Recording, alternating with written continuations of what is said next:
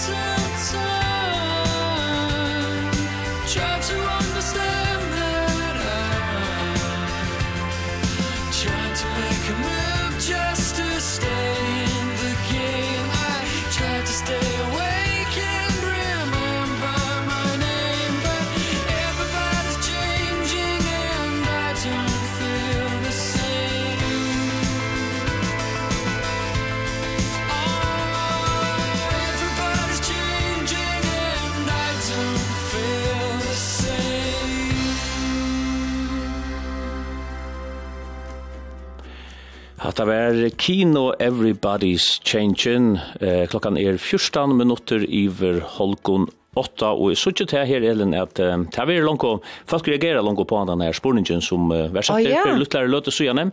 Mm -hmm. Jeg sier en norskere at jeg kjenner tvær dranger som fytla fyra år uh, i det, og en annen lortar sier at minnes meg rett, så var seks bøten født tandegjen, altså i seks og fems, ja.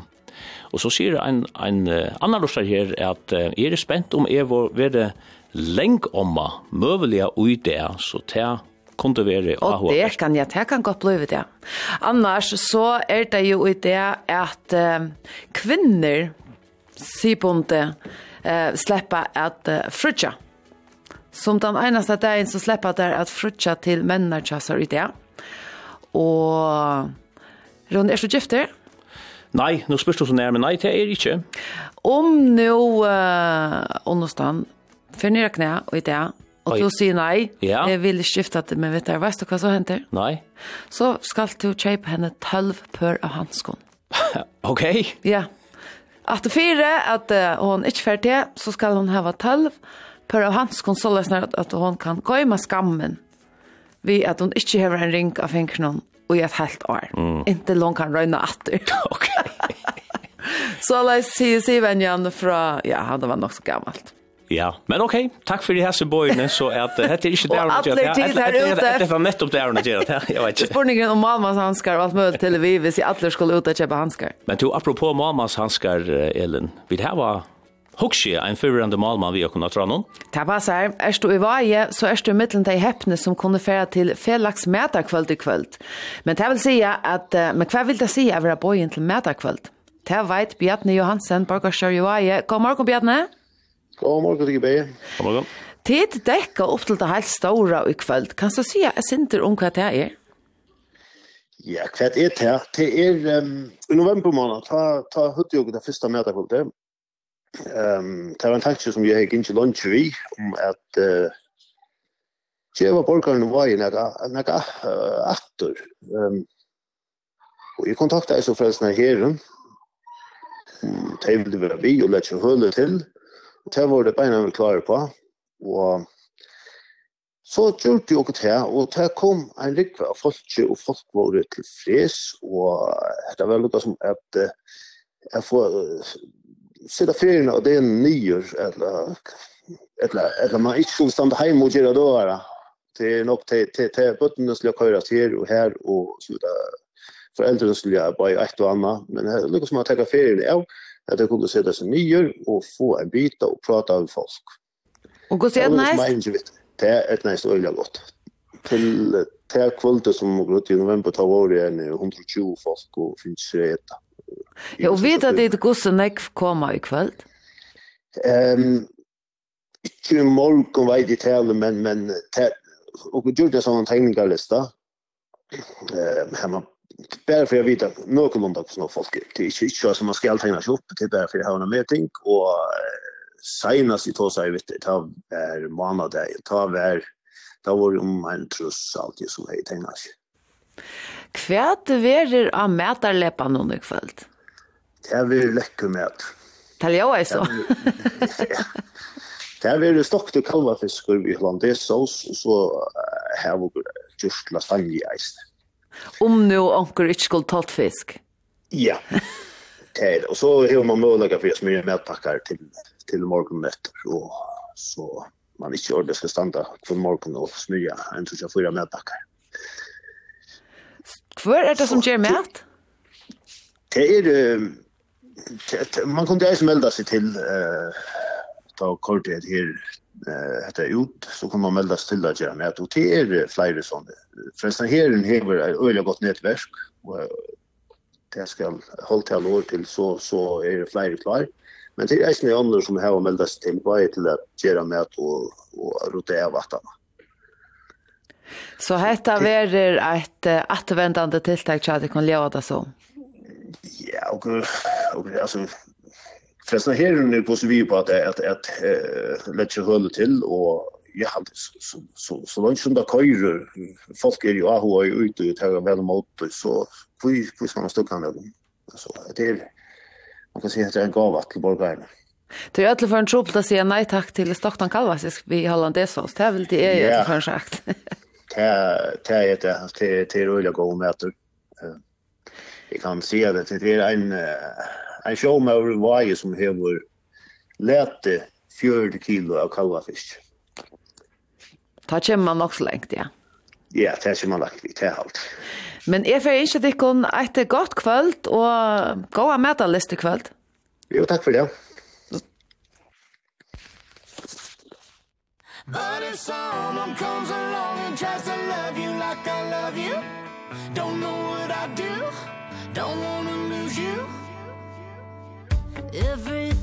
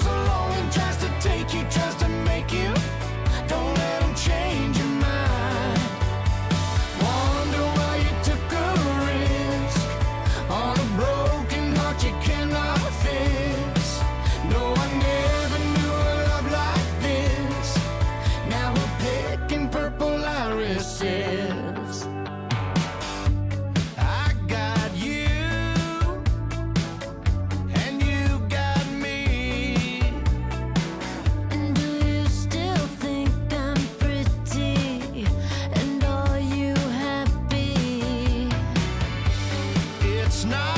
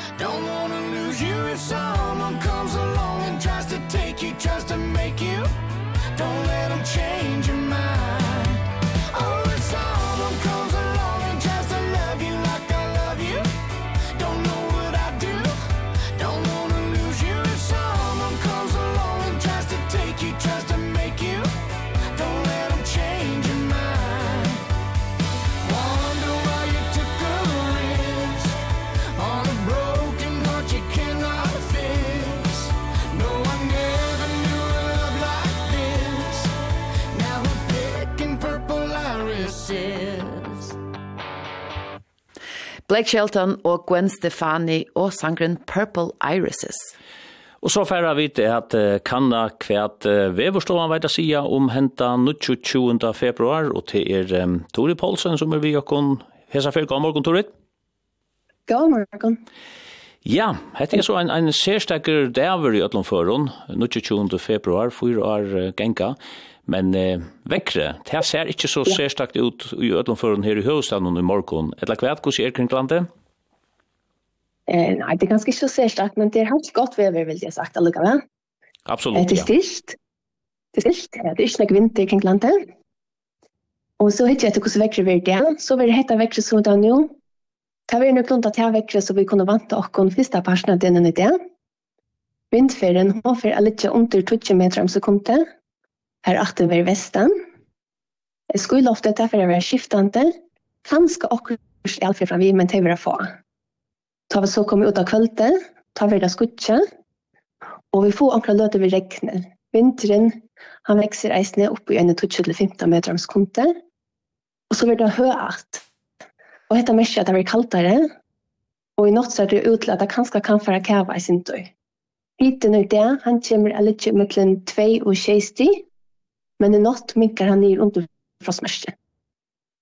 Mm, och vi så kött at det er en morgen eisne. Eh, så till med emergent där när Lucia snäck vekk nå, så vi kunde vanta att vi natt. Vi kunde som en vindfer, akkurat som tog till 15 meter om sekundet. Och höast og skutja. Og i støven kan det være en sin trakavit som ner. Hit in emergent, han kommer litt i mittlen tre kultasti og tre hitasti. Ok, så det er rævr om å finne at de heite klæene fram at det er en tog, kanskje hoksa i det jeg nå har sloppet, men så er det ikke. Å, oh, var det ikke? Nei, det var erkelig. takk for, Tore, at du var vi åkken i morgen. Selv takk. Takk for det. Ja. Om vi kan skal lukke fære atter til hette her vi tar med noe, det er noen idé. ja. Skått, Arno, eller Leip, Arnon. Mm -hmm. Så skriver ein, jeg stilte sammen med en Øsland, Øslandinje. Han giftes 22. februar. Han tømte ikke kjøpe og kone blomster kvørst av brudløpsted. Men man ikke for troplar, jeg minnes til fjorda kvørst av enn til er ene hermare. Akkurat, og gløymet ut av ta. Så er... så er det mer enn ganga fyra. Vant jeg fyr. så er ein som sier til at um, um, jeg vet hva det er bøyligere, nå tar jeg handskanner du nevnte kjeip tølv pør av hanskon. Men altså, her også er, altså, til at giftast vid du rattar merkan, er det ikke den beste uloven du kan skjer i løven noen? Purasta. At det er, det kan ikke være nek betre. Så at det er meira enn oss eller mamman, altså. Det, du sier det som er, ja. Vi færa til uh, Tone Like, og det som uh, ligger nast 4 i tjokken, og hette det som vi får høre til tøynden kommer klokka 8 til er hette her hitte som Ingmar syngur Hey to. Og vi talte fram etter tøyna sendingene her i Studio 4.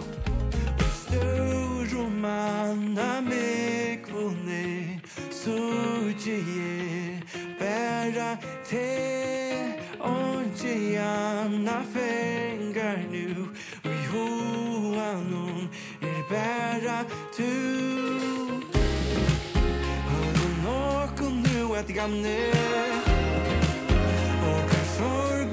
alltid där vi faller Är vi loja, hesa lötul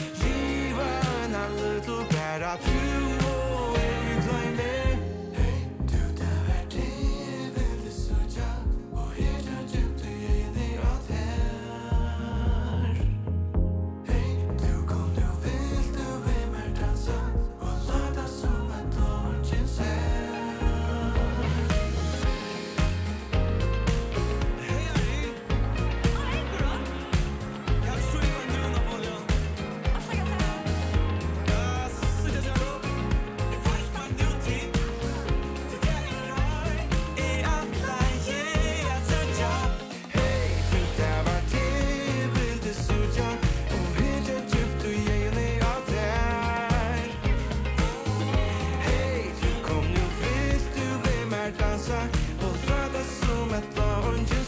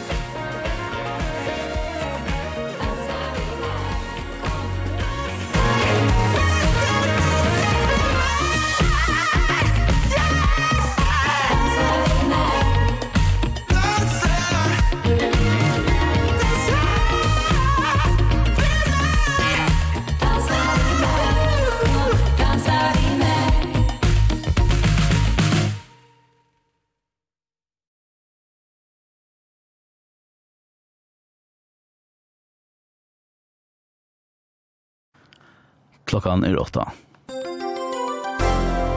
Åtta høvesmål er i arstiska politikje fyrja. Høgni Høyta landstyrsmøver hever lagt fram oppskå til samtykter om arstiska politikk fyrja.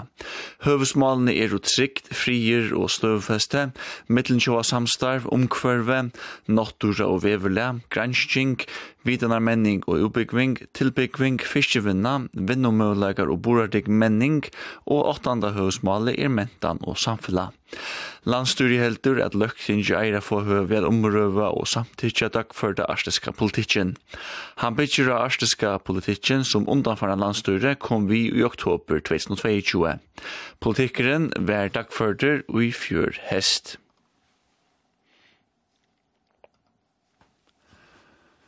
Fram til mia mars vil røntsje dangst veierskip under fyrjon. Det sier danske veiermaleraren Såslund Poulsen i Sverige til Sjur Skåle, folketingsmann, som spurte veiermaleraren om han meter til å være nåtsikt at ønske skip til danske sjåverne er og tøk kring fyrjar og i løtene tekniske trubleikar og tveimun av og i Knud Rasmussen-klassan og Jadonsko sjåverjene i Grønlandet fyrir mannen om gjørte, er at Arstis kommando nøttest at flyta vidbjørnen som vanliga verar om førska sjåvøtje til Grønlands. Danska sjåverjan hever løtni åndsje anna skip tøk til førska øtje. Men Troslund Poulsen sier at arbeid vil i fyrstu atløve vi er få eina fregatt og i iver Huitfeldt klasse non til førja om Myanmars og at eit tetis skip seitne for rødje oppgavnar vi fyrjar. Danske veimalararen sier i Sverige noen til Sjurskåle at han hever allit av at han skal verja en oppgaver i Nordatlandshavet og at verjan hever flere ærermølager og i kunne sedast inn etter tørve. ES fyrir at tvifalda vopnaframleisluna og framleia meira enn 2 millioner granater innan Oslok i 2025. Det sier Ursula von der Leyen fortsätter i ES-nevntene. Europa må vakna, det hever skund, vid i Europa må vera av verhalde, sier von der Leyen. Leyen. Ukraina hever størst storan tørv av granaton. Von der Leyen legger at seg at landet i ES må byrja vi at endurreisa, at heim og meira utgjer, og nu tøy man skjera suina ekno verje til Øslands, ein 34 år gammal mever er handtidsen i samband vi kannikararbeid tja uslenske løkreglene og i største kokainmål i søvu Øslands. Meveren var etterlustur tjøkken Interpol i samband vi at 100 kilo av kokaine skulle smuklas til Øslands. Kokaine var velfjallt og i tre trumlun og i eine bindje som var sendt ur Brasil til Øslands vi middelstø og i Rotterdam hollenskir troll, hollenskir tottlarar funn og rusevne, og tåg det ur at tromlenon og løtte i stegin syntetist evne i tromlenar. Fyra utlendingar voru ta akardi fyrir smukling, og tann som fekk strengasta dom var dømdur nutje ara fangsel. Ratteren og haksterattir i Øslande stedfeste at det er prekva at her fyra kipa og fyrir smuklingsne saman vi en åkjent om manne, og hilde verur at det er 34 år gamle mevren som nu er handigen. Norska tryggdartjenestan PST hever i samstarv vi amerikanske samveldeslagreglene FBI og andre land tippt trygtarhålen av rotaron som er nytter som låpstø til en russiskon hakkaranetverse. Land som Bretland, Frekland, Tyskland og Brasil har vært i omfattende samstarv noen og i hesson mannainon. Vi fingo avheitan fra FBI om å være vi gjennom vifendande avtetje, og vi tar tippt siktarholdene som var jo en av som slei av rodaron, som russar er nytto, sier deldeleieren i PST, vi norsk og tundastående NTB. Og i Norge var det omlai tutsi rodarar tekne nier og siktarholdene tippt. Og i Norge var talan om få rodarar samme var vi andre land, sier Atle Tangen, dalaleier i PST. Rotarar av hesson slä vera bæra nytter som lopstø. Her hakkar flytta seg fra rotarar til rotar i en lande. Arent har at enda leip av høvesmale, som ofte er jo myndeleikar, verjan og tøytningar mykje understøv kjerve. Så gjerne bakka hakkarane vi opplysningen som tar heva ståle. Vevervannar lyder låt til friska vindvestan etla umson 18, skiftande skuiloft og akkurst ele, hitte mittlen 2 og 60. Som lyra kvölde, friska vindur oppi kvassa vind norran, skutja og løte vi rekne, Som sætne kan heva vadakava etla kava vi ser. I natt og fyrra parsten ur Simon Kuldastion upp ui 3. 3 hitasti.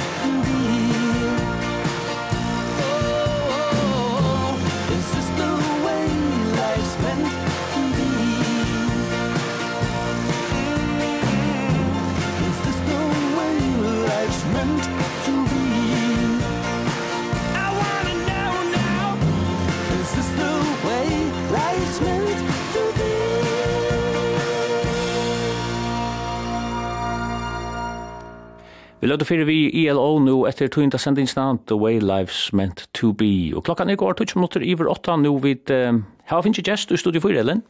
Det er eisen det forskunnet til årene ta og ideene er det 360-tallet. Kanskje mest tog vi telje et meir enn vanligt. Men tja somon er hesten ene dævren er sinte meir tøytningar mykje enn så, tog nu hava de endelige føringer der. Og en av dem det er Elenborg Solbjørg Mortensen, og hun er kommet av vidtja kunne morgen. God morgen Elenborg, og hjertelig til dere i det nå. Ja, takk for det. Nå er det fyra år siden 19. februar senest vi er. Hvordan stendes? Jo, det er alltid synd til særlig til det er en lukka som er, er ordentlig, da. Så er man ordentlig føringer da. Hinna det er man bare føringer da. Det er linje og æren, ja. Men når, når heldet du så føringer det at det ikke er leipar eller skåtar? Ja. Ja, så har vi ju också fria timmar, alltså allt efter kan vi det att fettler, men alltså 28. den natt i månaden kan man säga, så det är aktion ta. Men samstundes så varst du ju inte född 28. Nej, det är akkurat det. Och när blir folk inte där till lucka? Eh, de fleste ikke 28 men altså, man kommer sin for sent, så reisende, ok, som man sier, du var nemlig ikke født 28 så bor jeg vel visst da. Kanskje noen kjenner, det vet ikke. Ja, nemlig. Ah, forresten, jeg glemte. Gå så vær tatt du varst uh, yngre, tatt var bad, til at her var føringer den nødskjønta? Um, Da jeg var baden helt løytel, da halte jeg, altså, på et eller annet tidspunkt kom det opp for jeg, når man hever føringer der hver år, og det er ikke, det var sånn kjett om alt. Um, faktisk så vokste jeg opp i Svørre, og her bruker man eisen noe som heter navnet det er, offisielle navnet det er, stender kalenderen noen, Så kvart av føringar det, et eller etla navna det, alt er virkelig kjelit. Men, altså at en dæver eiter Elenborg, ja, men ønsken er... Ja, ønsken er Elenborg, så er det ikke sånn at gåen grunnen. Men uh, så på et eller annet tidspunkt, vi hadde jo i åtta år, da ble det kontrørt ødel, og så er det som hadde føringar det hentet en dagen, og i bløyene, og jeg også, oi, sett av her, kanskje var det en helt særlig dæver, verleggen. Jeg hadde et topp i hoksom, heter en særlig dæver. Vær stett om det. Nei. Kjenner du noen annan som har føringar det? Um, nei. Er det onker i følgen? Det vet vi. Jeg vet om onker, ja. Så hørst om onker, men nei, jeg kjenner onker. Kjærst du så nekka særligt borser i ord ta i skåtar er? Nei, ikke særligt, men ta røyne jeg halda okkurst. Ta en dagen, altså. Som i kveld, så prøver man nåttra og man drekker man. Og er det det ta eika oppmerksom og på at nu skal du altså ordentlig feirast? Eh, Eller är det du själv som bägge? Nej, det är inte att glömma att han är en. Han är liksom alltid hyper och ständer upp. Så folk börjar mynt, ja, ja. Så ta minnas det flesta till att inte locka samman det. Men är det något särskilt, alltså minnes du något särskilt från någon föringar det här som också görs på Eh, Ja, ta ju bara nere och läs. Ta ikke akkurat hva det er, så, men ta hei en runda for det, eller det er en vær, og ta ble vi, kan man säga, ivraska og bjør i føringer der McDonalds. Jeg halte til sikkert fem år føringer der, loksjort. Rundvøysen god deila. Ja, oh, det var fint. Ja. Ehm, um, kosse først og at halte deg inn i det? Nei, det er råkne vi, når man sier vanlig gjerne, så er det for jeg nok så bitte, og en trekk av man lagt det nå. Ja, vi kunne lukka si at her, her er det, som du nevner, er den flere født, uh, 22. februar, en lustar skriver, 22. februar, 96 var det seks bøten født av Alansjegrus noen, og en annan lustar legger at at de var altså tjei i alt som var født tandegjen, Og så skriver ein til lukka vi det noen Elenborg, og så når man lever, fyller eisen i det, så vi ikke eisen lever til lukka, så det er og flere. Takk for det. Du er ikke ensam. Nei.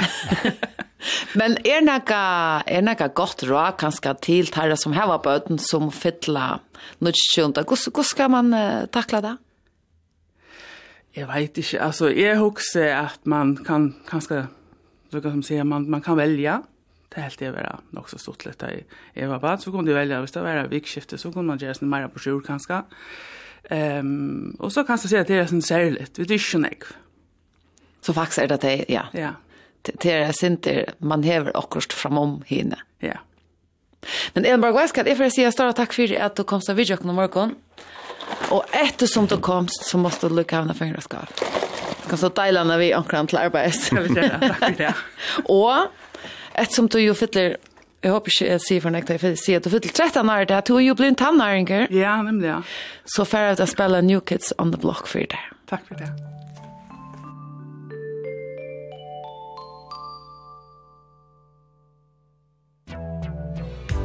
happy birthday to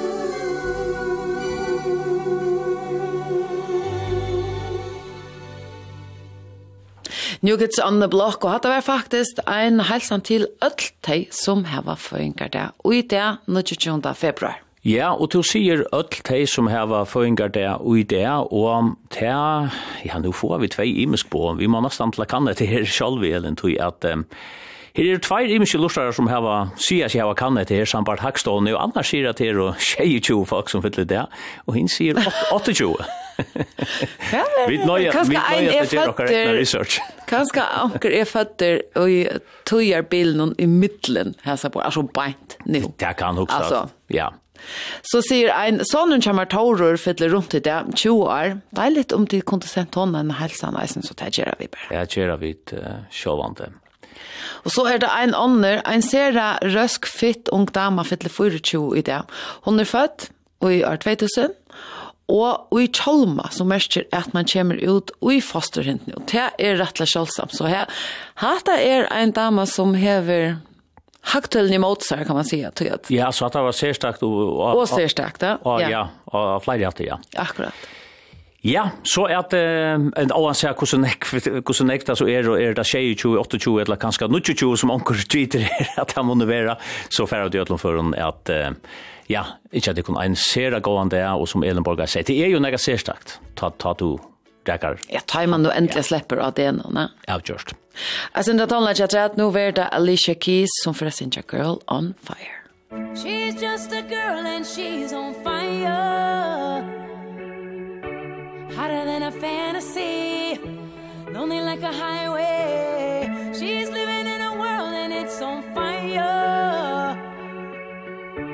Filled with catastrophe but she knows she can fly away. Oh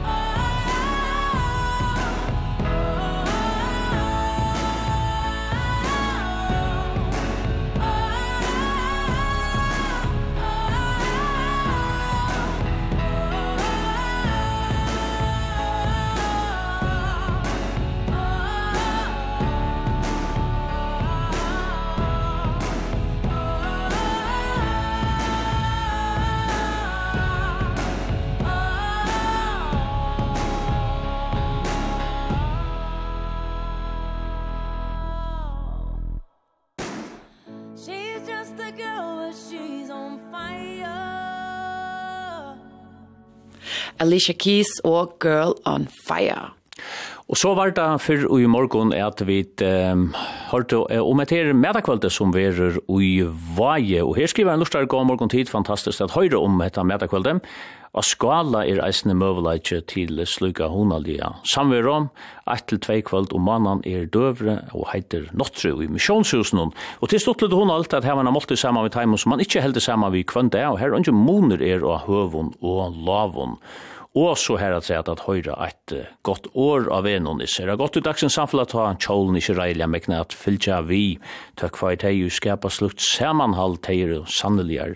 Gerande seker skriver hessen lortaren som altså fekna som henda møllegan at komma saman. Vi er som du kanskje ikke sørst så leisnar gerandes. Og det er at det vi med pakken om blir vi at um att uh, spöja sig mer. Alltså det är mm. faktiskt genialt att du kan släppa gärna med packar så det vill säga att här är inte att också som till du ska ta upp ut tjökna horna där nätt. Akkurat, ja, det er ikke verre. Det er nek som fäcknas om det. Med packarna är det en avbjøring.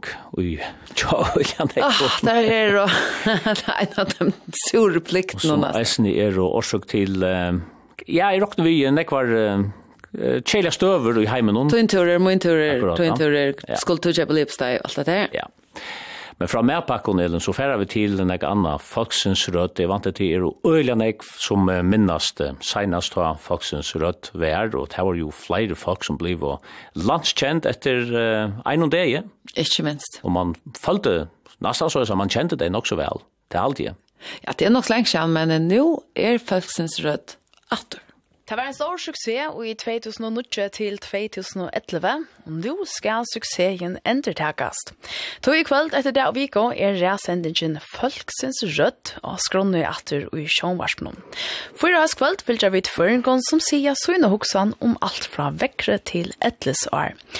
Finner Gåba, to er redaktører av sendingsene, og så er det en av teimen seks folkene som er fyllt Det er Jakob Andreas von Johansen.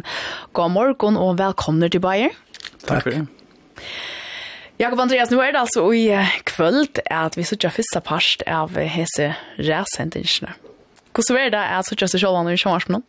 Jeg ikke, det er løye. Jeg snakker man venner vi som så i først kan kjøre på men eh, sen det jag nog tror att man är ju i Sweetway. Så det är helt ovanligt, men men jag var så spännande, nu är jag shadow shower. Så det är faktiskt eh, sent mer spännande. Så du är inte gång sen där första parsten? Nej. Hur så det vara att ha haft en kamera och i höllen så att säga alla tiden? Eh, det är inte där mycket. Eh, finner det rullar professioneller och jag har alltid vet att det gått samman. Så det är närmast lätt, alltså i, i behöver Jeg finner som sier, du er redaktør, men du er så eisende en av dem som fylger følge, og, og jeg som fører er det så Jakob Andreas som to uh, fylger. Aller først kan slukke fortelle oss ikke om disse sendelsene. Folk syns rødt, det er kanskje ikke ødel som, som minnes disse sendelsene som vi er særlig, og i alle vært 2020 ta toppet jo ordentlig. Hva er det for et konsept? Ja, det er rettelig einfalt konsept. Det er jo folksens rødt, og det er at man skal høre røttene og ikke ha følgen om Eh, man skal få innlitt i en parsta gerensten og tja nøkron ganske myndelig føringen. Sutja hvordan det liva, hva huksa de om, hva for tankar jeg hadde om, om lest og fast. Og ångst så at, at, at hitjaren fer at innlitt i vanliga folk. Og kanskje eisen kan spekla seg ut i og, og og gjør sånne egne meninger om det som de sier. Hesa sendingarna var jo alltså i 2009 og fram til 2011. Hvor gjør det just nå at det? Ja, vi tar tås om det jaunan. Uh, siden jeg kom inn i huset for, for to kjøren siden, og man skulle færre gjørst denne sesongen, at jeg halte blei til en fyra sesonger ta fra 2009 til 2011. Og halvtid bara så tog knappt bara när jag kör vad ska du göra vi då? Och så har vi hukt efter sändningen som var och liksom bussar där sen där stod där ja och och og onkurs vekna ut fra tusen ter høtte lagt okkar egna ui og så sier at ok, hette her vil faksens rød 2,0 eller annet, så er det så gjort i 2024. Jeg hukser med er nekka måneder og har sendt en noen som vi sa å ta og så tog som vi fyrir at sutja hese her fyra høstkvaldene. Altså, er alt konsept er det samme, altså som sagt, du fyrir innlitt du gjør en sted i någon och det är ett tema som man har till hver sending, tema i kvall til vekkre Og jeg kan avduka tema i neste vik snur seg om at eldast. Men um, jeg vet ikke ordentlig om, altså, jeg halte tøyene er kanskje løsende ørvus i det enn det var i 2012. Jeg vil ikke si en jeg ring som tar sendingene som var det ta, til det var jo øyla vel omtøkter og hardt tiltrångt der ta, og i en, en tøy her som kringkarpet kanskje var ui så styrve og ja, sin fyra kanta, sånn til torreslitt, så, så kom det her sendingen, det kom som en frukspost.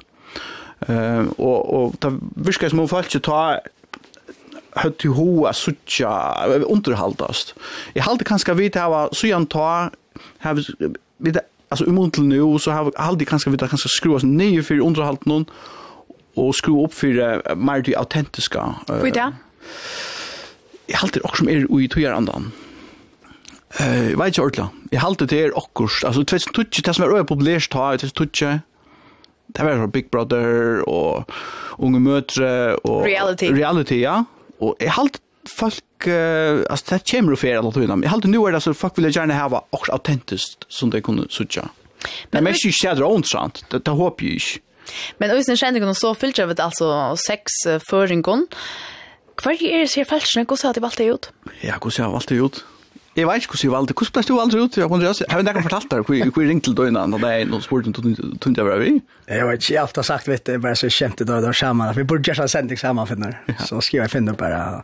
Jeg har funnet på akkurat. Jeg ble faktisk alle klakker så ofte når jeg lar halv dorvei, så ikke et sms nå, så så ikke bare at han skriver, skal finne på akkurat. Jeg sa bare, yes, nå er det, det får jeg gjøre en sending. Jeg håper meg hver tankar gjør det du der om etter her, ta i finner spurt om to vil det være vi og i folksins rødt. Var det beina ved yes, heter du mye vel? Eh, ja, alltså faktiskt började vi, ja. Men så att han har sått, att har sått nej. Det blev sån så här, vad har jag sagt ja till? Eh, jag öppnade folk inte mitt liv, alltså. Tog nästan blått år, faktiskt. Och, och vattnet och konan är så snäck vi, men det är vi, och, och hemma och kurriere, så... Men det är alltid, allt, allt är spännande och lärrykt. Jag finner, hur så tatt kommer vi til at det är folk någon som är vi? Jeg hadde vi kommet rymlig tatt. Tatt det folk noen. Altså, du skal ikke avdukke for nek som er i sendingen i kvöld, men altså, jeg vil si, en, og det er just en grunn til at det valgte jeg Jakob, vi kjenner oss fra Vestma, Ebik Vestma, han bor i Vestma leisne, og vi tar hits, du vet, i sosialen høpe, og han virker som en rettelig åpen og flintlig unger herre, så jeg husker, hva skal jeg, nå prøver vi det prøvet han, så det er kanskje tog vi valgte han, og han sier jo eisen ja, og han vil øye lettere arbeid, han leder, jeg alltid vil øye alltså to to är ordet lätt upp för för för hur du är och man får gott in lite i hur han är. Ehm Men hur är det Jakob Andreas är det näka som du huxar? Hetta du mig inte att vi skulle omröva och i sentischen ta i någon eller hur är det? Eh nej, halt ich chartla. Ja. Jag hade inte så lucky och alltså till en visst alltså men men nej alla finner och stallban det som man har gjort och Tjono Fröjhant att det är pressborningarna som man har haft bruk för och, och svärvadar. Mm Så nej, jag hade inte vetat vad luckan är. Jag hade vetat vad rummet öppnar till allt. Det hade jag snä. Alltså här är svär när alltså från hinnan alltså nu är vi flyr hållt ute och ja, Alltså i allt sex folk och jag halt inte näkar över sagt några det här vill inte prata om. Men vi har lagt sådant detta att Georgia är ta jag liksom nämnde det huskode för Jakob Andreas. Vid att inte utställa näkran vid att inte ge jolt på sjön näkran det är som sagt vi gärna få inlit och och det ska vara äkta alltså autentiskt. Og, og jeg godt nevne, til og parste, eh uh, kvar pastor ta atla faktiskt ha en person server att en person leder upp om okkur som är hänt til lönen og vi kommer till okkur som som behöver um, averska livslina så vi kommer till och och det er faktiskt Jakob Andreas med den første eh, alltså i första första ukvalt och utan han affär i smalloter så fällas det sig om och han Kim fra han är ju uh, adopterad ur uh, Colombia så tar pratar han om så jeg var faktisk rettelig bildsene, og han var så åpen om det, men uh, tror jeg er så godt vi, at vi finner fædre der, omkring Ja. Jeg kunne si at det var en stroplæg jeg skulle, og, skulle ta som til at du er atleiter, og hvordan, hvordan alt det er jo verre. Nei, slett ikke, det er ikke noe som man, det ser man. Altså, det er ikke det kan holde. Uh, men nei, jeg ønsker ikke krekva, og jeg er stolt av karriere, og så... Men hva tankar gjør du der om det at det er jo fyra høstkveld her til over Asutja og i Sjåmarsnån, og det er jo beint etter det og vik, og det er nek folk som hitja. Uh, Helt du at folk pleier å kjenne det atter og sånt? Ja, altså, nu er man ikke jo idrett av gjerra, som man sier i Arjen, som man ikke helt fremmede for folk, og vi er ganske ikke den stilleste typen, så pleier jeg å høre etter som gjør det, og Men eh, nej, det jeg jag iverhøver, ikke på något som helst mat. Det gjør det ikke. Eh, det är själv en smöjle og testa som det kommer, det er godt. Finner uh, hessar sendingarna, hvem vänta där så till? Åh, oh, til å ødla alt. Jeg halte, eh, ja, vi blir jo att ta som ofte når sendinger skulle være til et særlig segment, men eh, jeg halte faktisk at det er et, et ræka rymda brett, om jeg må si at det. Det har alltid. Jag har alltid öll alltså vi tar alltså nu är det inte helt vilt eller hva folk vi tar av allt. Alltså vi tar runt att av alt folk imsa stand fra i Færgjøn, så nu er nu er Jakob Andreas ur, ur Norskheime, og så er två tver, kvar restøtene, og her er en hun sjálv um, Steinbergfon, ur Klaksvik, og Mavren vånande eisne handel chips nu, levi, han kommer vånande eisne vi, og så har vi pensionisten, vi tar åtte nattstad ur Havn, gott nok omgang sore hesfer, men det kommer ganska nast för. Och ongan sjante, ongan var var men man kan inte allta, men men vi där runt räkta sånt räkna sånt brett och eisne kvar det är så men det är ju så det huxa du vet ska ha en ongan och han ska vara högra sinna och en vinstra sinna igen och du vet det är ju så vi det var så det är ju så hårt sån ordentlig segmentering av som folk kan det är det väl Nei, men det var spennende til er altså kveld etter det og vike at uh, første barster av uh, Folksens Rødt verer at suttja. Takk for det, Bayer. Takk. Ja, takk.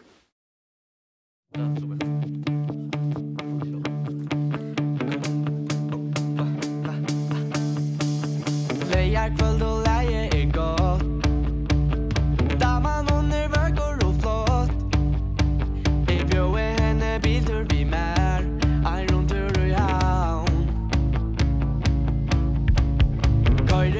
te acomodo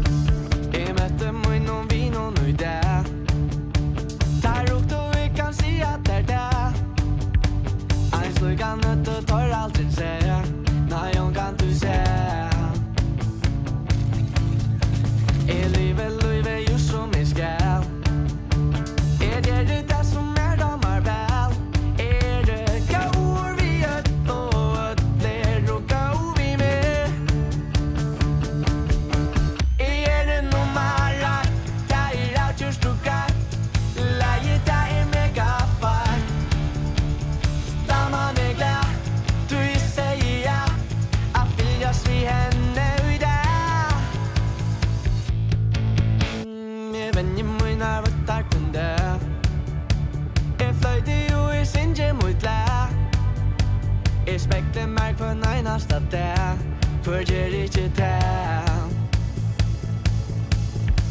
Jeg lever løyve som jeg skal? Jeg gjør det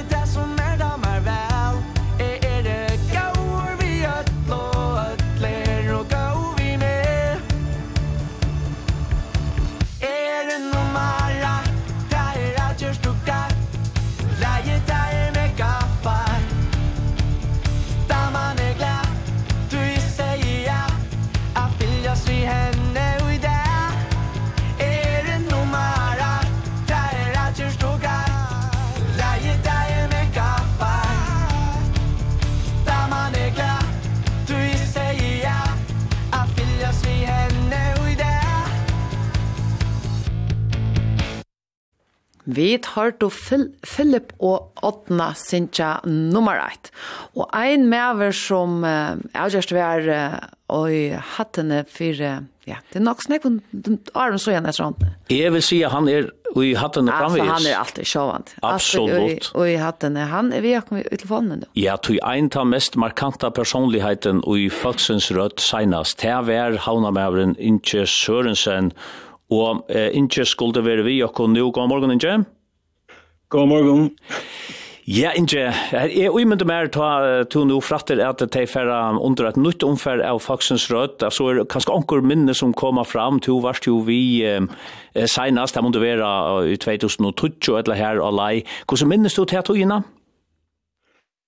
Ja, det var også alle stått litt tog, og det er også alle lengst siden, ja.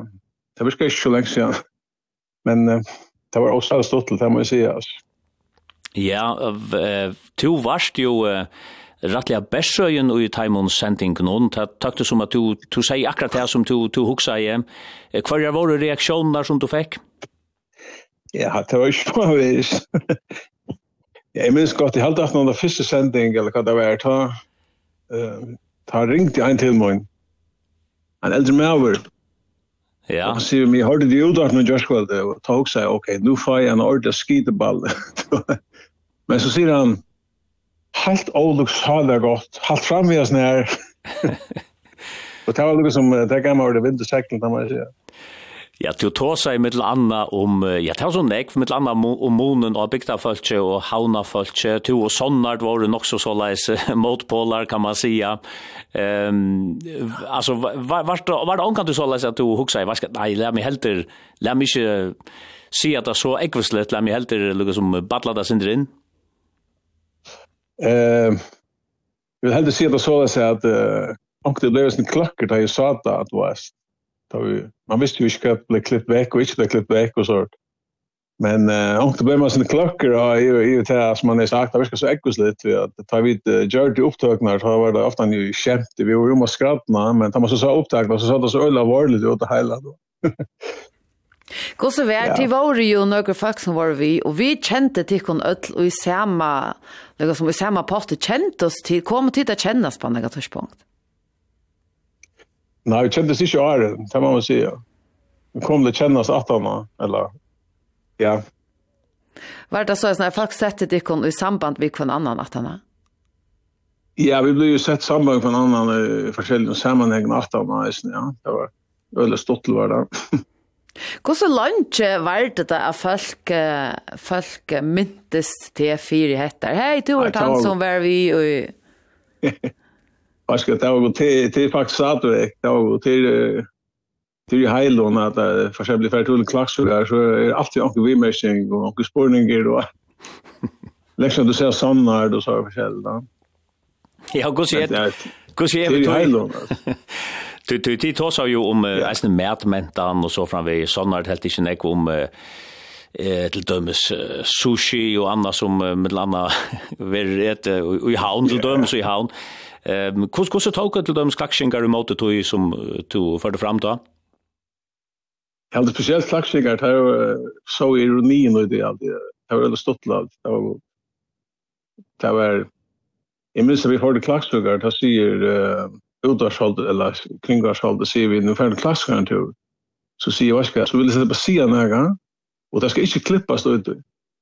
Jag vill inte att det blir klippt och ut som jag säger det här. Det är hejna kvar hjärsta då, alltså. Mm -hmm. Og ta ta så upptagen man gör så där att lite beep på i gott nok men oss det var det hela. ta nämna vi står framför det sådan där att nu glömt. Gesemman det eller vad det är. Ja. Det var ja, det var suttelt var det och här fick satt en mening och jag var inte så att man att lucka den ner. Jag vet inte vad man då tog. Ta du hikker efter og hessa tøyina. Var det nega tøy at du engra i at du jotta i jævra vi? Nei, alls ikke, alls ikke. Jeg held det var oalmyndelig litt, og vi var så spent, jeg var så særlig spent til at det var for at nå kom vi og så var det. Det var, å tagge opp, altså, det var utrolig stått litt og godt følt, og Bjarne Ropeksen og sånt, det var virkelig stått litt var det.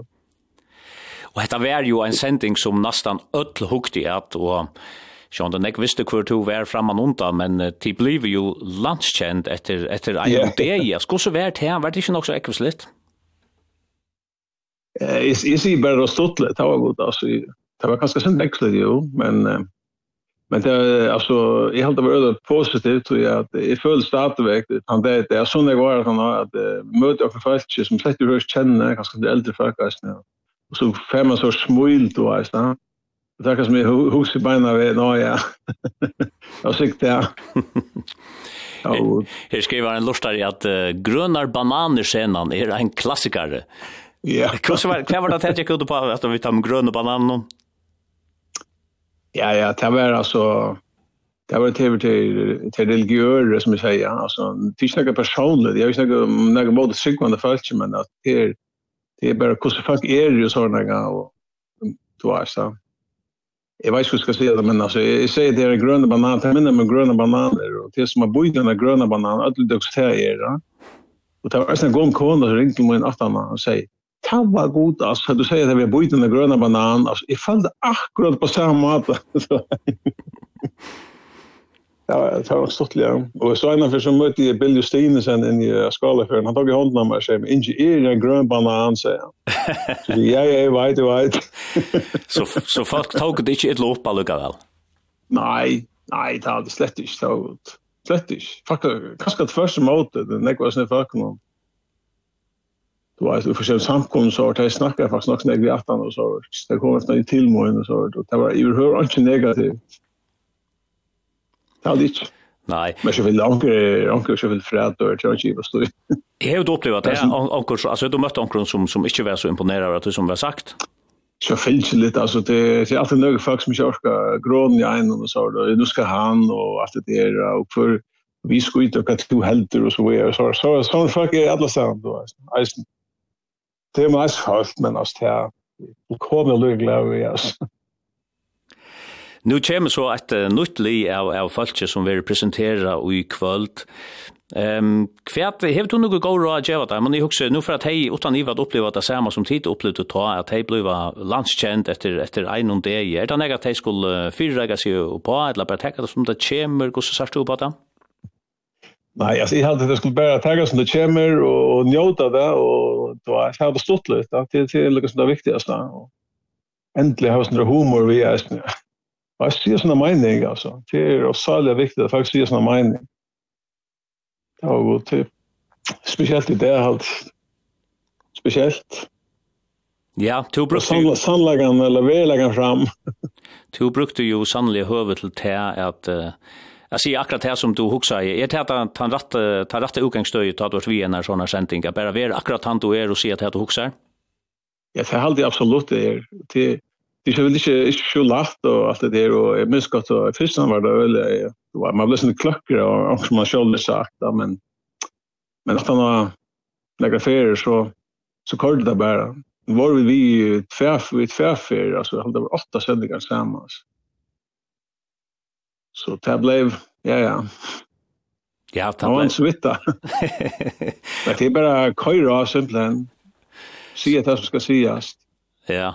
Så läs hur Det är alltid också också för lite revna att det det allt och men det är så mind ju, va? Ja, ja. Så så läs om vi tog så så helt hypotetiskt om två över byn om att vi vi en en ungefär jag trä att hej du haft onkra onkra sannlikare att som du kunde också där att du både framåt tork.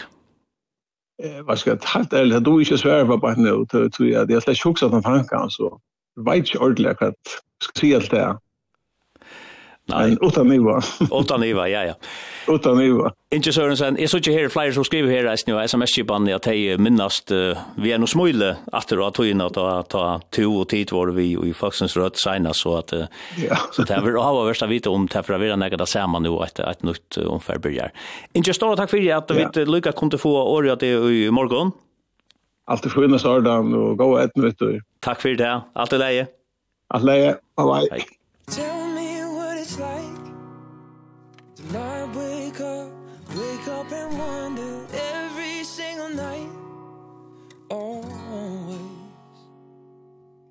I'm sat bolt upright Watching her sleep. I wish I could join her Every single night Always. When I'm falling in When I'm falling down She knows just how to sort me out. She knows just how. And when I lose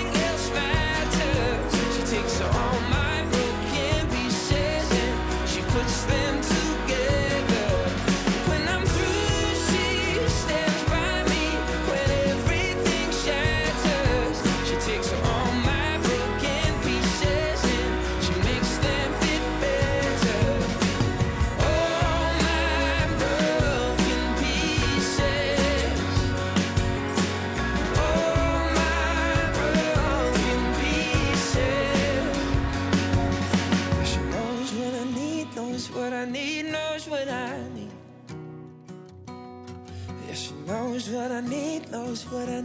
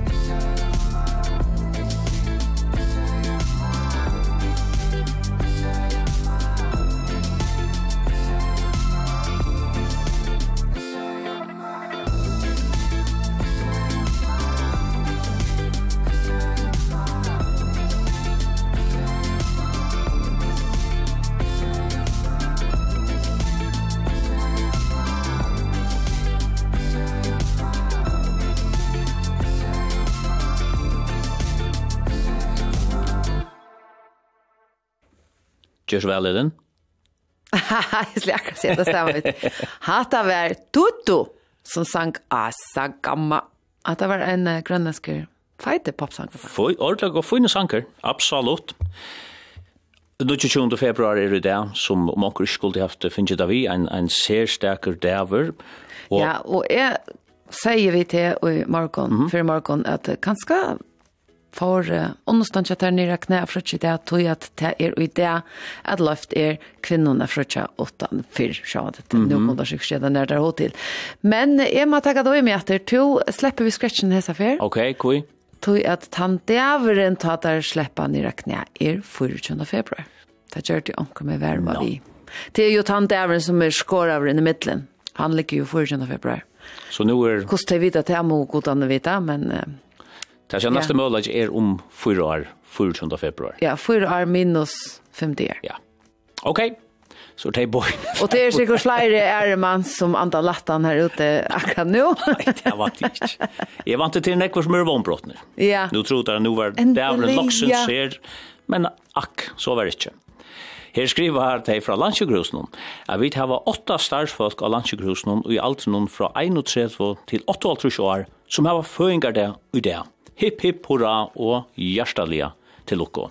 Det sier vi deisne, Mia vid færa at få at her senast og tonene her som er klokka nuttjo, det er vi Patti Smith, Patti Smith Group, og hette er Because the Night. Baby, here's I am, pull me close, try and understand, desire is hunger, is the fire I breathe, love is a banquet, on which we feed.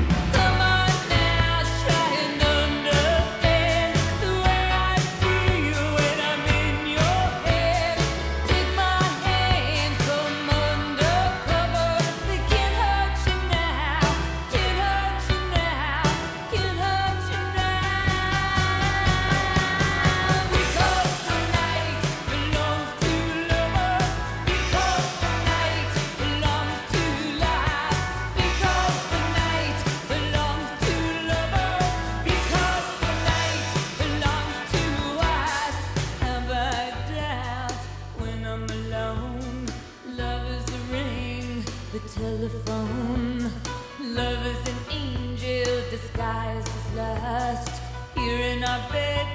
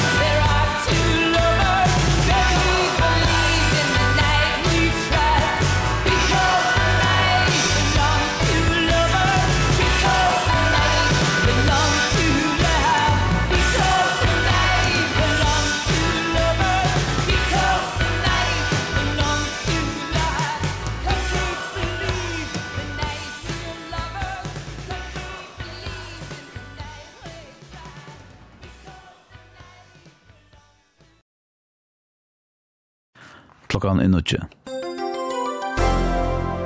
Nú atjan ar i ulien, så gjerne loven om gransking og i manna og i levon, Uleveloven kom, er hon endeskoa.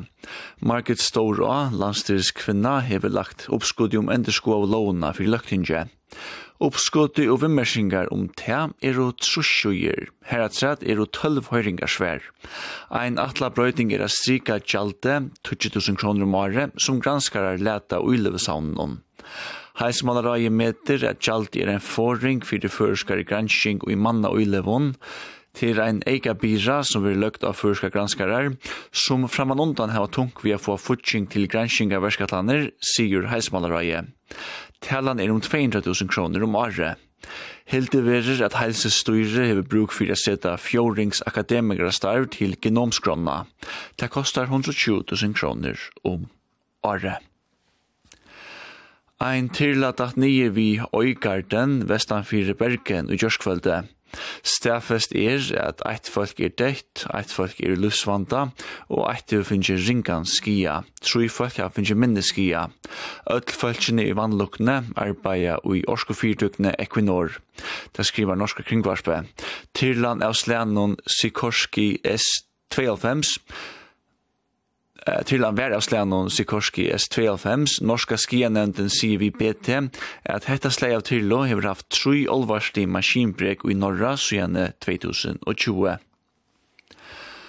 Åtta høvesmål er i arstiska politikk fyrja. Høgni høyda landstyrsmæver har lagt fram oppskott til samtikter om arstiska politikk fyrja. Høvesmålene er utsikt, frier og støvfeste, mittelnkjå samstarv, omkvarve, Nottura og Veverle, gransking, Vitanarmenning og ubyggving, tilbyggving, fiskevinna, vinnumøleikar og borardik menning, og åttanda høvsmålet er mentan og samfella. Landstyre heldur at løgtingi eira få høvi omrøva og samtidig takk for det arstiska politikken. Han bytjer av arstiska politikken som undanfarna landstyre kom vi i oktober 2022. Politikeren var dagførter og i fjørhest. Fram til mia mars vil ønskje dangst vergeskip under fyrjon. Det sier danske vergemalararen Tråslund Poulsen i Sverige til sjurskåle folketingsmann, som spurte vergemalararen om han meter til å være nåtsikt at ønskje skip kjøtt danske sjåverne er og tøk kring fyrjar i løtne.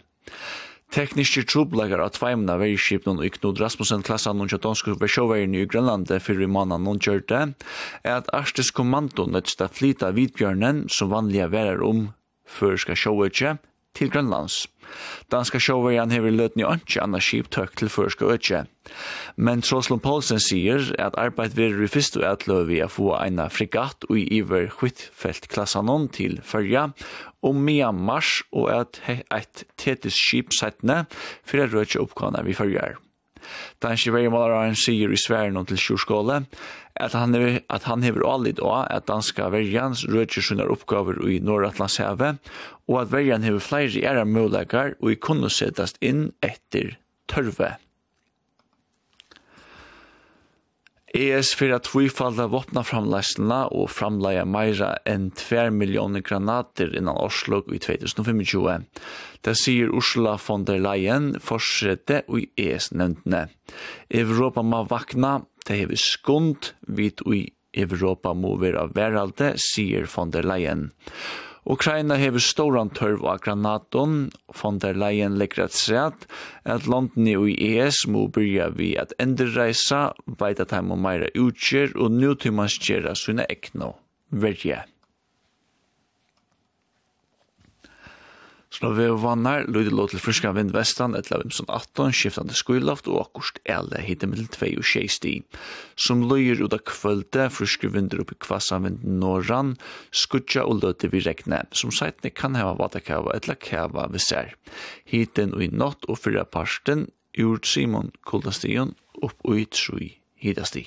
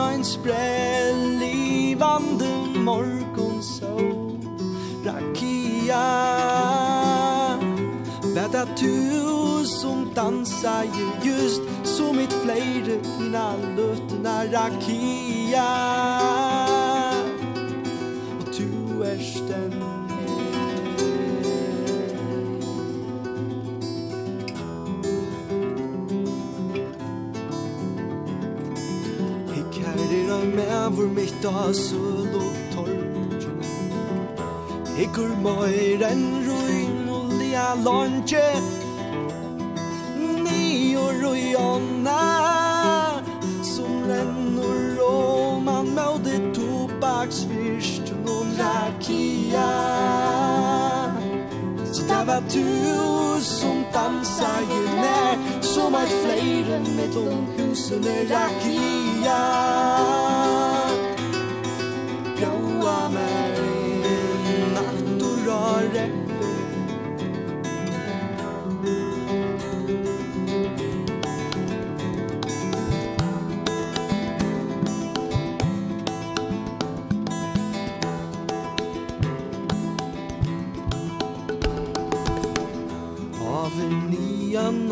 öppna flöten Kom nian alle vökur fjör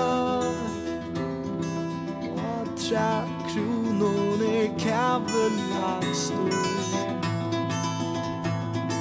Fynar som gärste och dunkar som är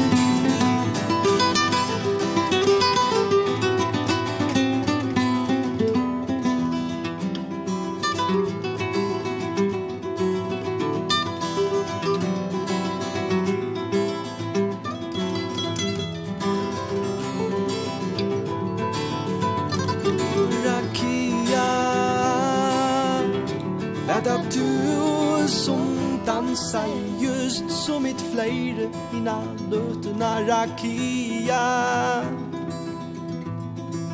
Gåa mer en natt og rare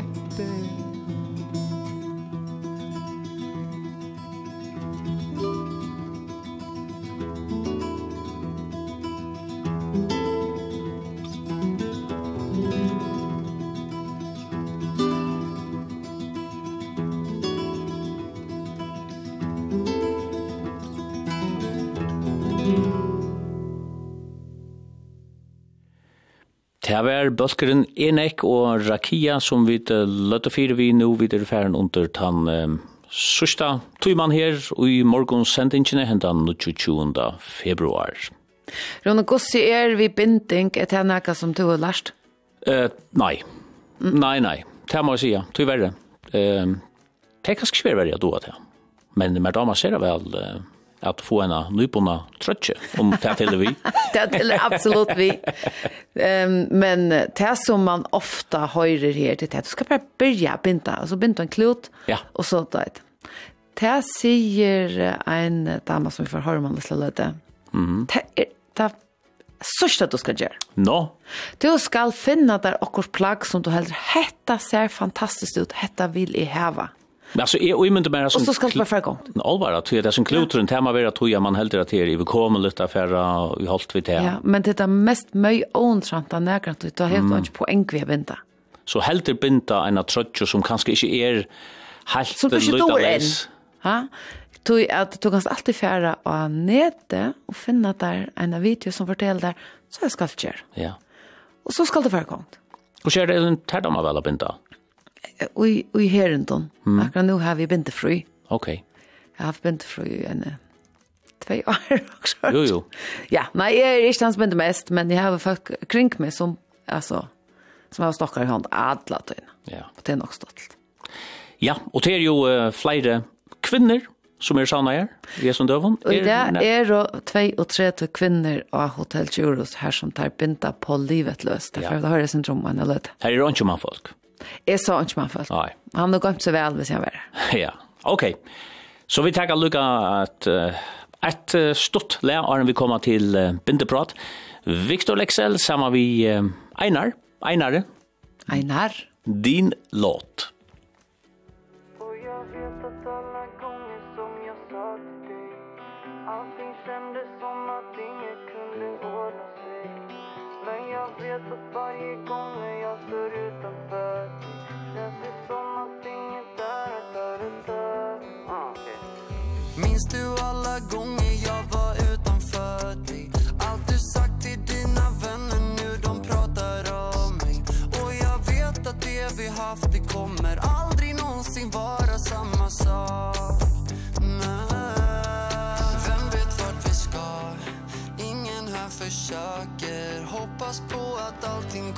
vara som förut.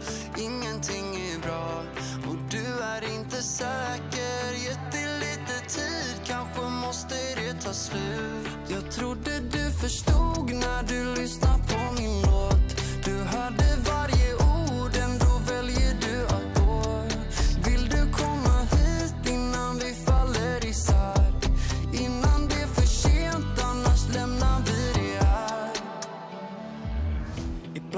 Be dig att dra Sen ber dig komma tillbaka ey. Ingen här vet vart vi ska. Men när du drar då jag saknar dig. Fuck spela svår, kom tillbaks ey. Jag både älskar och hatar dig. Baby jag mår inte bra, nej Tror jag behöver en kram av dig. Jag trodde att du fattade. Mm, när du lyssnade på min låt. Alla andra skrattade. Mm, och fattar inte vårat språk. Jag kan lyfta flera tusen kilo. Jag kan ta mig över hav och land. Men jag ser du gör mig svag ibland. Så jag ber dig om en vanlig chans. Baby låt mig få vara din man. Ey, ey. Ingen här försöker. Hoppas på att allting kommer vara som förut. Ingenting är bra. Och du är inte säker tid Kanske måste det ta slut. Jag trodde du förstod när du lyssnade på min låt. Du hörde varje ord ändå.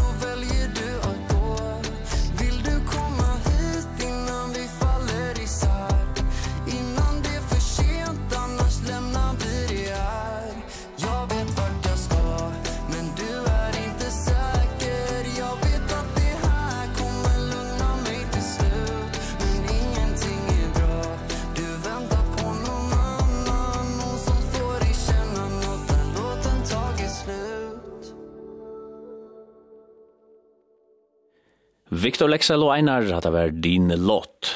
Og Hotel Juros i Havn sitter i hesen døven 32 kvinner og binda på livet løs flere timer om dagen. Årsøkjen til det er at bindekøna Annette Danielsen er i førjon og legger lea. Jeg får ha godt kjød dem i jar og fikk et prat vi Annette og Johanne Hansen, som er en av Skys lottakerne. Annette, hva er det disse damer sidder med lige nu? De sidder med en masse små øh, forskellige strikketeknikker. Øhm, som strikker, der kan vi rigtig godt lide at prøve noget nyt. Vi kan også rigtig godt lide, at, når vi prøver noget nyt, at vi kommer til at kunne, kunne kende det nye, vi kender, sådan så vi kommer i det, vi kalder flow, hvor vi bare kender mønster, hvor vi bare strikker, strikker, strikker, strikker, og kommer til der, hvor vores nydning ligger. Øh, så de laver en masse små teknikker for at prøve noget, de ikke har prøvet før, øh, og Det, der er planen, det er her sidst på ugen, så bliver alle de små strikkeprøver strikket sammen, og så ender vi med et tørklæde. Altså et fælles tørklæde, eller et hver? Et hver. du snakker om at komme i flow. Hvad, hvad sker der der, når man strikker? Så øhm, når man lærer en ny teknik, så er man vildt koncentreret og vildt optaget af det, og de sidder med skuldrene helt op om ørerne. Og lige pludselig så sker der det, så kommer genkendeligheden i det mønster, så ved man, Nå, når jeg på vrangsiden skal jeg gøre sådan, når jeg på retsiden skal jeg gøre sådan. Og så begynder man at slappe af i hele sit strikkesystem. Man slapper af i sin hjerne, man kender det, man har oplevet, jeg har lavet noget, der er svært, men jeg mestrer det. Og når man mestrer noget, det er faktisk noget af det, vi som mennesker, vi vokser af. Det er noget af det, vi næres af. Øhm, og så får vi det, som vi kalder at være i flow, hvor vi bare ved, hvad vi skal. Vi flytter den ene maske efter den anden. Den er gentagelse, gentagelse, gentagelse, som gør, at vi kan glemme tid og sted. Vi glemmer i hvert fald alt om opvask og gulvvask og alt muligt andet. Fordi vi skal lige strikke det næste. Vi skal lige se, hvordan kommer det til at se ud. Øhm, og det er jo derfor, vi kan sidde timevis. Fordi vi elsker den der. Det er ligesom at være i en meditativ tilstand, hvor man bare strikker og strikker og strikker det her med strikning, det er jo det, du lever af, kan man sige. Hvad er det, hvad er det med, med strik, der har fanget din passion? Altså strik er min passion, men strik, øh, strik er blevet mit arbejde, mit levebrød, min passion. Men jeg er bare strikker. Jeg er strikker. Det er ikke øh, noget, jeg har besluttet, at jeg vil gøre. Jeg har ligesom alle de kvinder, der sidder her, de har strikket fra de jo helt bittesmå. små. Vi har alle sammen lært at strikke vores mor, vores farmor, mormor. Vi har, vi har strikket altid. Vi er strikker. Så vi stiller ikke spørgsmålstegn ved det. Vi stiller ikke spørgsmålstegn ved, om det er moderne at strikke. Vi stiller ikke spørgsmålstegn ved, om vi gør det for det ene eller for det andet. Vi gør det bare. Og for mig, udover det har givet mig et levebrød, jamen, så det at få lov til at arbejde med sin passion, det er stort. Altså det er... Øh, Det, det er jo fantastisk. Altså, jeg har mistet min hobby. Jeg strikker ikke min hobby, jeg strikker ikke for sjov længere. Men til gengæld så har jeg jo bare verdens fedeste arbejde. Altså, det, jeg har verdens sjoveste arbejde. Altså, det er jo fantastisk, at kan tage her, her til Færøerne og grine dagen lang. Og, og øh, bande sammen med den, når det er svært. Og fortvivles, og, men også glædes og juble, når det hele det lykkes. For nogle er strik noget, man køber og bærer. Hvad er strik for dig? det er, det er at trække vejret. Altså helt simpelt, det er det at trække vejret. Jeg går ikke i min egen striktrøje ret tit. Jeg gør det, når jeg skal på arbejde, som jeg er i dag, så har jeg min, min striktrøje på. Men det er ikke altid, jeg går i min striktøj. Øhm, jeg strikker ikke, fordi jeg vil have en trøje. Det er der mange, der gør. Og det er fint, at man strikker, fordi man vil have den trøje, man gerne ser. Jeg kender også mange, som strikker en trøje, som de måske aldrig vil gå i. Så sælger de den, eller giver den væk, eller strikker til en anden. Vi strikker, fordi vi strikker. Vi strikker, fordi vi er strikker. Vi strikker meget her på Færøerne, og vi ved om strik i vores nabolande, så nogenlunde en islandssvætter, en norsk svætter osv. Men strikker man i hele verden? Nej. I Norden strikker vi rigtig meget. Øh, I strikker meget, islændinge strikker meget, nordmændene gør, danskerne gør. Svenskerne strikker øh, ikke så meget, øh, og har ikke så mange strikdesigner. I er jo begavet med rigtig mange strikdesigner her på øh, Færøerne. Øhm, men mange, i hvert fald dem, som jeg kender til, jeg er strikdesigner, mange af dem laver også trøjer til produktion. Hvor øh, det gør vi ikke så meget i Danmark. Vi laver mere trøjer og opskrifter, sådan, så vi sælger opskriften. Øh, og, så, og det må I så gerne sige, det er forkert, fordi det, det, det, det er den oplevelse, jeg har. Det kan sagtens være forkert. Øhm, jeg tror, vi har af nød strikket i gamle dage, fordi vi skulle holde varmen. I skulle have en trøje på fiskerne. Det har vi også skulle nogle steder i Danmark. Vi har gjort det, fordi at, øh, der ikke har været penge til andet. Man trævlede de gamle trøjer op og strikkede på ny. Øh, jeg tror også, kvinder i gamle dage har strikket, fordi det er jo der, de kunne finde deres hvile. Fordi jeg møder stadigvæk ældre damer, som når jeg sidder og strikker, siger, hvor er du flittig? Og jeg tænker ikke, det er flittigt, jeg tænker, det her, det er ligesom fredagslik det er den gode stykke chokolade. Når jeg tager mit strikketøj, så synes jeg, det er det største selvforkælelse. Jeg strikker ikke, fordi jeg er flittig. Men jeg tror, at kvinder i gamle dage har gjort det, fordi de var nødt til det. Men det har også været rum, hvor man så, de var flittige. Og samtidig så kunne de bare sidde og blive væk i deres eget hoved. Og måske glemme lidt det, der var svært. Eller det, som man stod i, fordi man lavede noget, som man godt kunne lide. Men hvis det er så et afgrænset område, hvor man strikker meget, hvor kommer nye mønstre og sådan noget fra så? Mm. Der bliver ikke opfundet... Jeg mener ikke, der bliver opfundet ret meget nyt strikning. Men det vi gør, det er, at vi øhm, kombinerer gamle teknikker. Der findes en del teknikker øh, fra øh, øh, England, Isle, ud fra øerne derude, har de nogle bestemte teknikker. Kvinderne fra Letland, er mega dygtige til hulmønster, det som vi også kalder lace. Der kommer nogle teknikker over for dem. Øh, og så kombinerer man det med hinanden. Så laver man en lille smule om på teknikkerne, rykker, drejer, vender på det. Og så laver man noget nyt. Så det er meget kombinationerne. Ligesom at I kombinerer øh, det nordiske stjernemønster på andre måder. Der sidder en kvinde heroppe, som har lavet den flotteste trøje i nogle brede striber, og i den øverste stribe har hun lige puttet et stjernemønster ind. Så det er en måde at kombinere stjernemønstret med en stribe trøje, hun har set et andet sted. Øhm, så man kombinerer det, man ser, man kan sige, at vi stjæler fra hinanden, man kan også sige, at vi lader os inspirere hinanden. Og det er det, der sker sådan en, en uge her, det er, at nogen strikker på noget, og man siger, ui, hvad er det, du laver der? Og så viser man hinanden, hvad man gør, eller man får en god idé, eller man ser lige, sådan kunne man også gøre det, eller kunne man kombinere de to ting? Men nu sidder de jo uh, med hovedet begravet nede i mm. opskrifter eller mm. papir. Mm. Hvor, hvornår kommer man til, hvornår kan man det hele? Aldrig. For guds skyld aldrig. og, og det der er så sjovt, jeg, jeg underviser mange steder i verden, øhm, og hvis, det er så sjovt at møde folk, der ikke strikker, som ser sådan en flok strikkende kvinder, som tænker, der sidder de og er pisse sure, de kigger ikke engang på hinanden, de har jo ikke øjenkontakt med de her damer, de sidder bare der og strikker hver deres. Sådan er det ikke. Der er kæmpe kontakt imellem strikker. Selvom vi sidder med øjnene på vores strikketøj, så kan vi snakke og diskutere alt muligt. Det er ligesom hvis man har teenagebørn og ved, det bedste sted at samtale med dem, det er i bilen hvor man kigger lige frem, men man sidder ved siden af hinanden, så kan man tale sammen. Det samme kan man, når man strikker. Det giver øh, grobund for øh, samtaler om øh, livet, om alt det, som vi kan. Hvis man sætter, hvis man sætter syv mennesker ved et bord, der ikke kender hinanden, så går der faktisk ret lang tid, inden man finder ud af, hvad kan vi tale om? Hvis man sætter syv strikker med strikkepinde omkring et bord, oh my god, så går det bare stærkt. Altså 0,2 but, så er der så meget larm, så du ikke kan få et ord indført. Fordi vi har det, som man i pædagogisk sprog kalder et fælles træde. Der er dig, mig, og så er der vores strikketøj. Så vi kan altid starte ud med at strikke om vores strikketøj. Det er ufarligt og lynhurtigt. Så er man inde i skilsmisser, hedeture, alt muligt andet, som jo er det, som øh, børneopdragelse, hvordan får man sit treårige til at sove.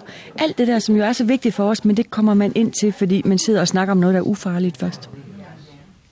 Annette, du har jo udgivet et hav af bøger med opskrifter. Hvor kommer din inspiration fra? Hvis jeg oplever noget, jeg plejer at sige, hvis jeg, jeg, øh, hvis jeg oplever noget, som beriger mig eller berører mig, så er jeg nødt til at strikke det. Øh, det er den det er der jeg får øh, min det der jeg får min kreativitet ud.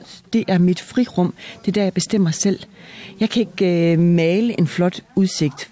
Det det vil Hvis jeg skulle leve af det, så ville jeg blive meget, meget tynd. Men jeg kan strikke en flot udsigt. Jeg kan strikke ting og oplevelser, som jeg ser... Øh, så jeg har sådan en bagkartotek med mig af alle mulige forskellige teknikker, som man kunne, og farvekombinationer, sådan så, at man kan strikke tordenvær. Øhm, jeg, jeg kan bare ikke lade være. Altså, jeg kan ikke lade være. I disse mindfulness-tider er strik jo blevet meget moderne på færøerne igen. Er det noget, som du har set andre steder også? Ja, øh, så er nogen som os, der sidder her. Vi har jo aldrig ikke strikket. Vi har gjort det, men vi er jo godt klar over, at det er også, at der kommer de der opblomstringer. Øhm, ligesom det er en opblomstring, at man øh, øh, dyrker sine egne grøntsager, i hvert fald i Danmark. Jeg ved ikke, hvor godt det går op på med jeres jord og vind og vejr. Men der er jo blevet den her opblomstring i slow food, at man selv øh, dyrker sin mad, at man selv fermenterer sine grøntsager, at man laver det hele fra bunden af. Og den er vi jo meget bevidst om, fordi det er den, vores omverden taler om. Men vi strikker, fordi vi strikker, og fordi vi har gjort det altid. Vi har, vi har opdaget ikke, at det ikke var moderne. Det gik hen over hovedet på os.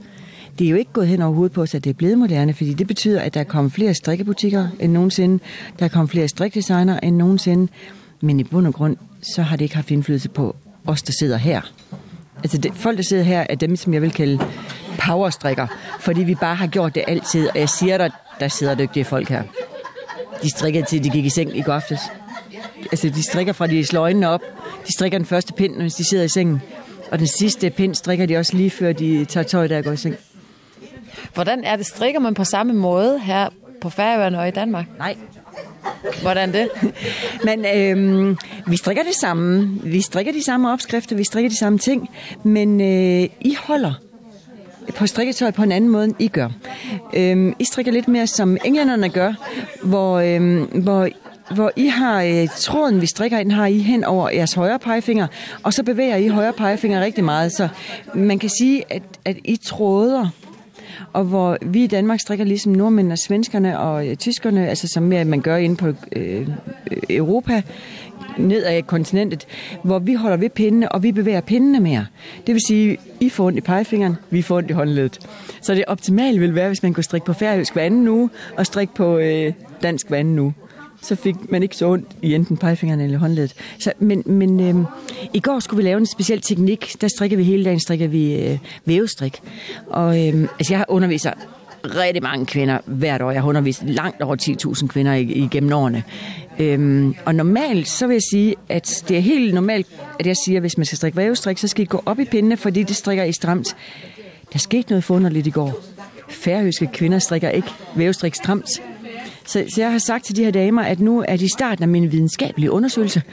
Fordi det her, det er jo, det, de kvinder, der sidder her, det, det er jo blevet dem, som jeg kommer hjem til Danmark og siger, nu skal I bare høre færøske kvinder. De gør sådan og sådan. Så jeg er mega spændt på, hvad der sker i dag, om uh, I stadigvæk strikker løser, end vi generelt gør i Danmark, eller om det kun var vævestrik. Hvor meget, hvor langt tror du, at, at de kommer rundt? Hvor meget lærer de på disse dage nu, mens du er her? det vigtigste, de lærer, det er, at de lærer måske en ny at kende. De får måske en ny ven. For mig er det det vigtigste. Ehm øh, at lære en teknik er faktisk egentlig ikke så vigtigt for mig, at de lærer en teknik. Jeg vil rigtig gerne have, at de lærer, at de kan meget mere, end de tror. Der er nogen, der får en oplevelse af, hold op, det her det kan jeg faktisk godt, selvom det faktisk ser tudesvært ud. Det er det vigtigste for mig. Om de lærer at strikke vævestrik, eller en snon, eller hvad det er, det er jeg ligeglad med. Men det, at man får oplevelsen af, at man som menneske mestrer og kan noget, Ehm så er jeg lykkelig. Så er øh, missionen lykkes.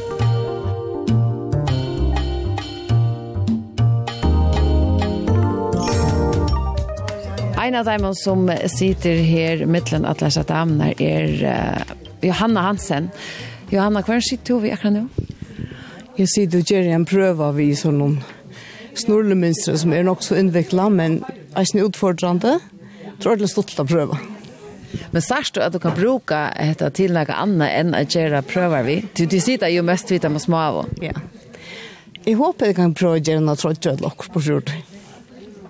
Er du vann vi har bint av nekst ljøer av Annette som at alle som er er, er garva er bint av Ja, jeg bint av nekst. Bæg maskin og hånd. Kvitt, ja? Men da man da vel, og jeg slapp jeg av ut, og jeg halte jeg sånn der et utryv, og det er godt, sier vi. Men hvor tek av fyra gjerande stier ur kalenderen, og så færre av bindeskei? er, er det ikke binde man ikke sint neift, ha?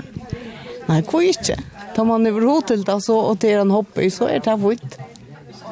Hvordan jeg var tøy med helt til å ditt binda om det er en tøy til sitte her? Altså, det er vi begynner klokkan, altså, jeg begynner klokkan seks i morgen. så helt igjen paus så. Och så får det sånn, ta, ta sig att i kameran och banta center. Vi begynte på en stein och sant, som er rejst man rönna begynte på. Og så får det så här om man det gikk ikke så veldig gjøre, göra att prøvene. Så tänkte jag, la men prøve nu med en höttefrukost. Det gikk nek bedre i morgen. Är det så att man alltså fär gåan och blåster fra hesten her? Ja, det er en stolt att sitta så här vi, vi er som kvinner når man sier det.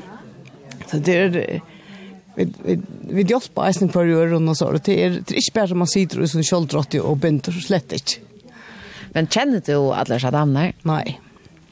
Nej nej, jag känner nära som jag har i sam, samband vi um, bind bindemaskiner vi är som vi det ena från Mar. Är du eisen en av times för bindefestival och sånt? Nej, det har vi inte gjort. det är man ju blir fri eisen till arbete, ja. Så jag brukte ferie nu på ett här. Men hvordan er arbeidet ditt her av Skainon? Altså, hvordan mener du? Jeg vet ikke ordentlig, hvordan mener det. altså, vi sitter, vi sitter og binder. og så tar vi blod alt for ivrigere, vi tar sitte for lunch, og så røyner han etter for å kunne opp og gjøre stretcheøvelser så vi ikke vil så knutter, og, og, og det er alltid atler er vi til. Takk Er det planlagt så är att uh, om morgonen så binder vi hattar och det bara binder vi hattar eller sitter man bare i sin äckna och färger jöknon jeg ser imiske oppskottene som man känner vi. Alltså har bunt och vid vävemönster som man gärna vill det här vi skulle göra och här var det tjej prövar og jeg klarar bare å trutja. det är bantor opp upp och bantor rekke upp och så. Og så nu kom vi nå til prøven, och här gav hon och hon og och bind och hette och någon binda gosse tvær, eller tror jag prövar. Ja så kunde vi bestämma. Men vi måste binda alla. Det vi med var synd att lägga ord där vi skulle lägga allt samman. Sommar ble så ivrigar. Och då var alla binda så det binda på ena vägen så prövarna. Er du mer van vi å binda slatt eller är du en som älskar at kava ner og i så här teknikkene? Nei, Nej, är inte uppskrivstamma. Det er det ikke, så det er fortsatt mer. å prøve etter. Ja. Hever du kanskje finne uiblåser til akkur skjærligt med en du er Er det akkur som du også ah, hetta ferie er røyna ta jeg kommer hjemme til? Alltså jag det vet inte men det slå möta han visste att det som hon bonte. Efter myene här är och prövar eller fyra kanten jag prövar fyra kanten. Hatta var snilt att bruka prövar på. Och så kommer hon och fortäller att vi ska bruka det. Det var sin skek. Så du satsar på att det enda vi att du først har med en torrklä? Ja, jeg er ikke akkurat torrkläsfullt, men jag kan gjøre en knörrunda.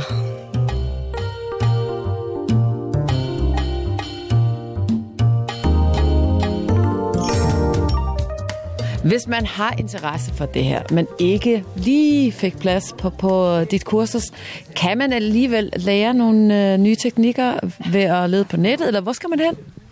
Altså det, der er sket inden for de sidste år i Danmark, det er, øh, for fem år siden kom der en ny strikdesigner på banen, måske er det syv år siden, Mette Ockels. Hun har det firma, der hedder Petitnit. Og det Mette virkelig Mette er dygtig, Mette er mega sød, men det hun er virkelig genialt, det er, at hun har øh, koblet sig sammen med en kvinde, der hedder Kimi, Kimi Munkholm. Og Kimi har understøttet alle de teknikker, som Petitnit bruger og har lavet små videoer så man kan se en lille video om, hvordan man gør det.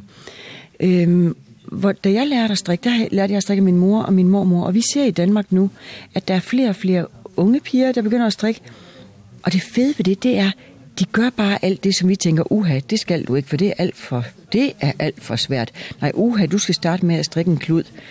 Det gør man ikke længere, når man er 14 år, 15 år, 17 år, så, så, så starter man med en trøje, hvor vi er lige ved at blegne. Fordi vi siger, det kan du slet ikke. Men det kan de, fordi de går ind på YouTube, finder Kimi Munkholm, finder teknikkerne og læner sig op af det. Og fordelen ved det, det er, at hvis man spørger ens mor om hjælp, så bliver mor meget skænger i stemmen, når hun skal svare på det samme tredje gang i træk. Kimi Munkholm, hende sætter man bare på repeat, og man kan faktisk også sætte hende ned i tempo, så det bliver ikke ligesom ens mor, der siger bak, bak, bak, bak, bak, bak. Så man kan bare skrue Kimi tilbage, og så kan man se det venlige væsen en gang til og på den måde kan man gå bare ind og søge, øh, hvordan strikker jeg øh, tofarvet patent? Hvordan strikker jeg tofarvet dobbeltpatent? Alle de der teknikker, de ligger bare tilgængelige derinde. Og det er bare det, man skal gøre. Man skal ikke starte med at strikke en karklod. Man starter simpelthen med den sværeste, mest spændende, vildeste trøje, man kan finde. Fordi det, det handler om med de unge strikker i dag, det er, de skal finde motivation.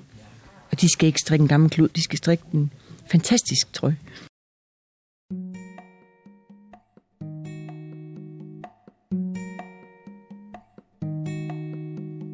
I just wanna have a good time Wanna share the good times with you by my side. Come on now. Oh, it's all about this feeling. Nothing beats this feeling. It's you and I shout it out loud. We got this in our hands. There's no way we'll let it go Let it go, no. It is the only plan. We need Don't say no, don't say no. So Would you come along with me? Spend a little time with me? Know a place where we can be nowhere better. Won't you come along with me? Spend a little time with me. Cuz we got so much to see see together as one. I know you know. Yeah yeah yeah yeah. I know you know. Yeah, yeah, yeah. Let's have our own celebration. Perfect combination. It's so much fun when we let go. Live it up like no tomorrow. No way you cannot know Cause it's about you and I. We got this in our hands. There's no way we'll let it go Let it go, no. It is the only plan. We need Don't say no, don't say no. So Would you come along with me? Spend a little time with me? Know a place where we can be Nowhere better. Won't you come along with me? Spend a little time with me Cause we got so much to see. See together as one.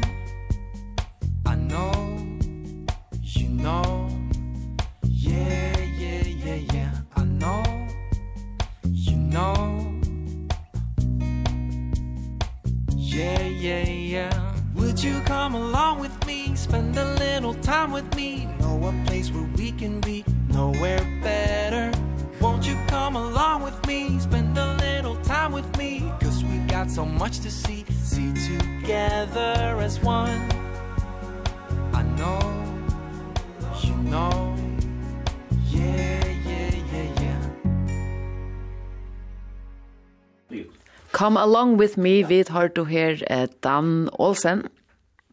Og Rune, at dere sendt dere til som vi har hørt av skrann i Marko. Ja, men vars du kvart, Ellen, jeg halte helst til å være så lute. Eh, Sjålvand, om det nå er en, en sersakedaver, og det har mest sendt inn nok så fitt.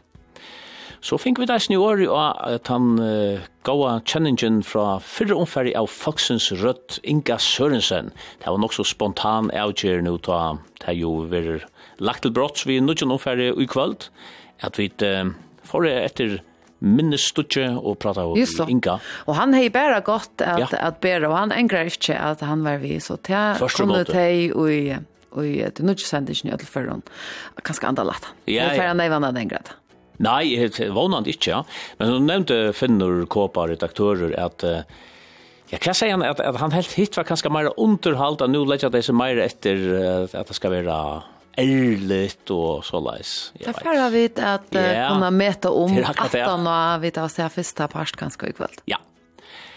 Og det er Olav Ravali Olsen som rundar av tjokken i morgen, sankren eiter Dyra Bæra Løter. Vi kunne lukka minna av vet annars er Eurovision og Øron Milon en utvarspe, vi er jo mitt landa og Facebook. Det er vidt. Instagram? Instagram er vi, og så er det sjående eisene heimasugjokkara kvf.fo framska gmf. Her blir til å høre heila sendingar og eisene flere av teimon innsløvene som heva vere her i sendingene. Vi høyres atter i morgenaren.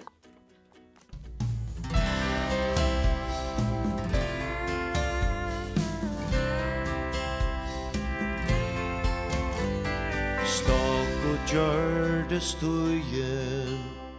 Du heie foldun an Dreymar fyre framman.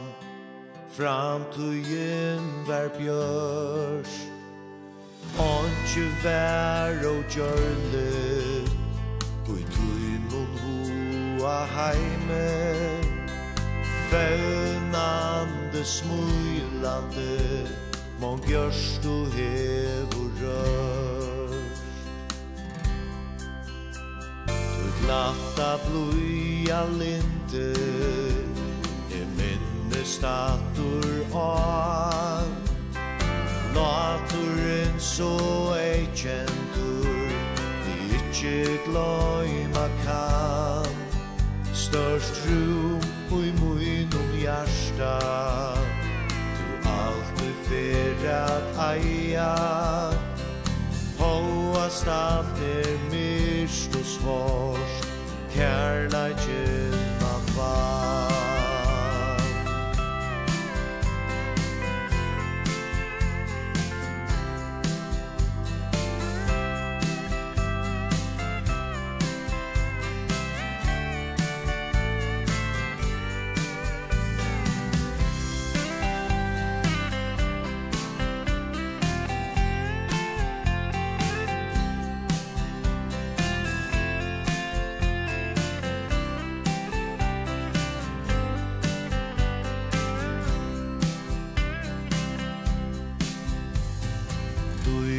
bærar løtu.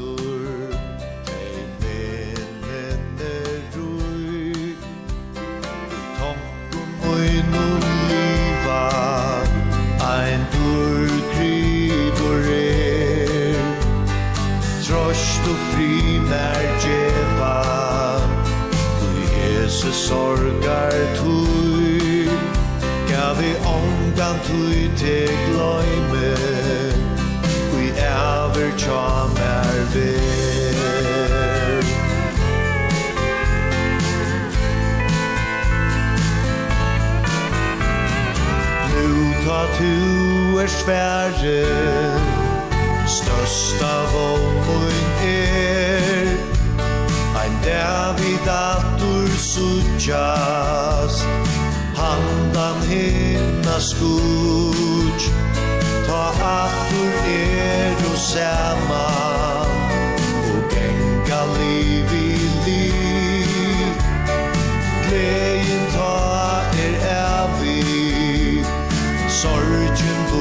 for er.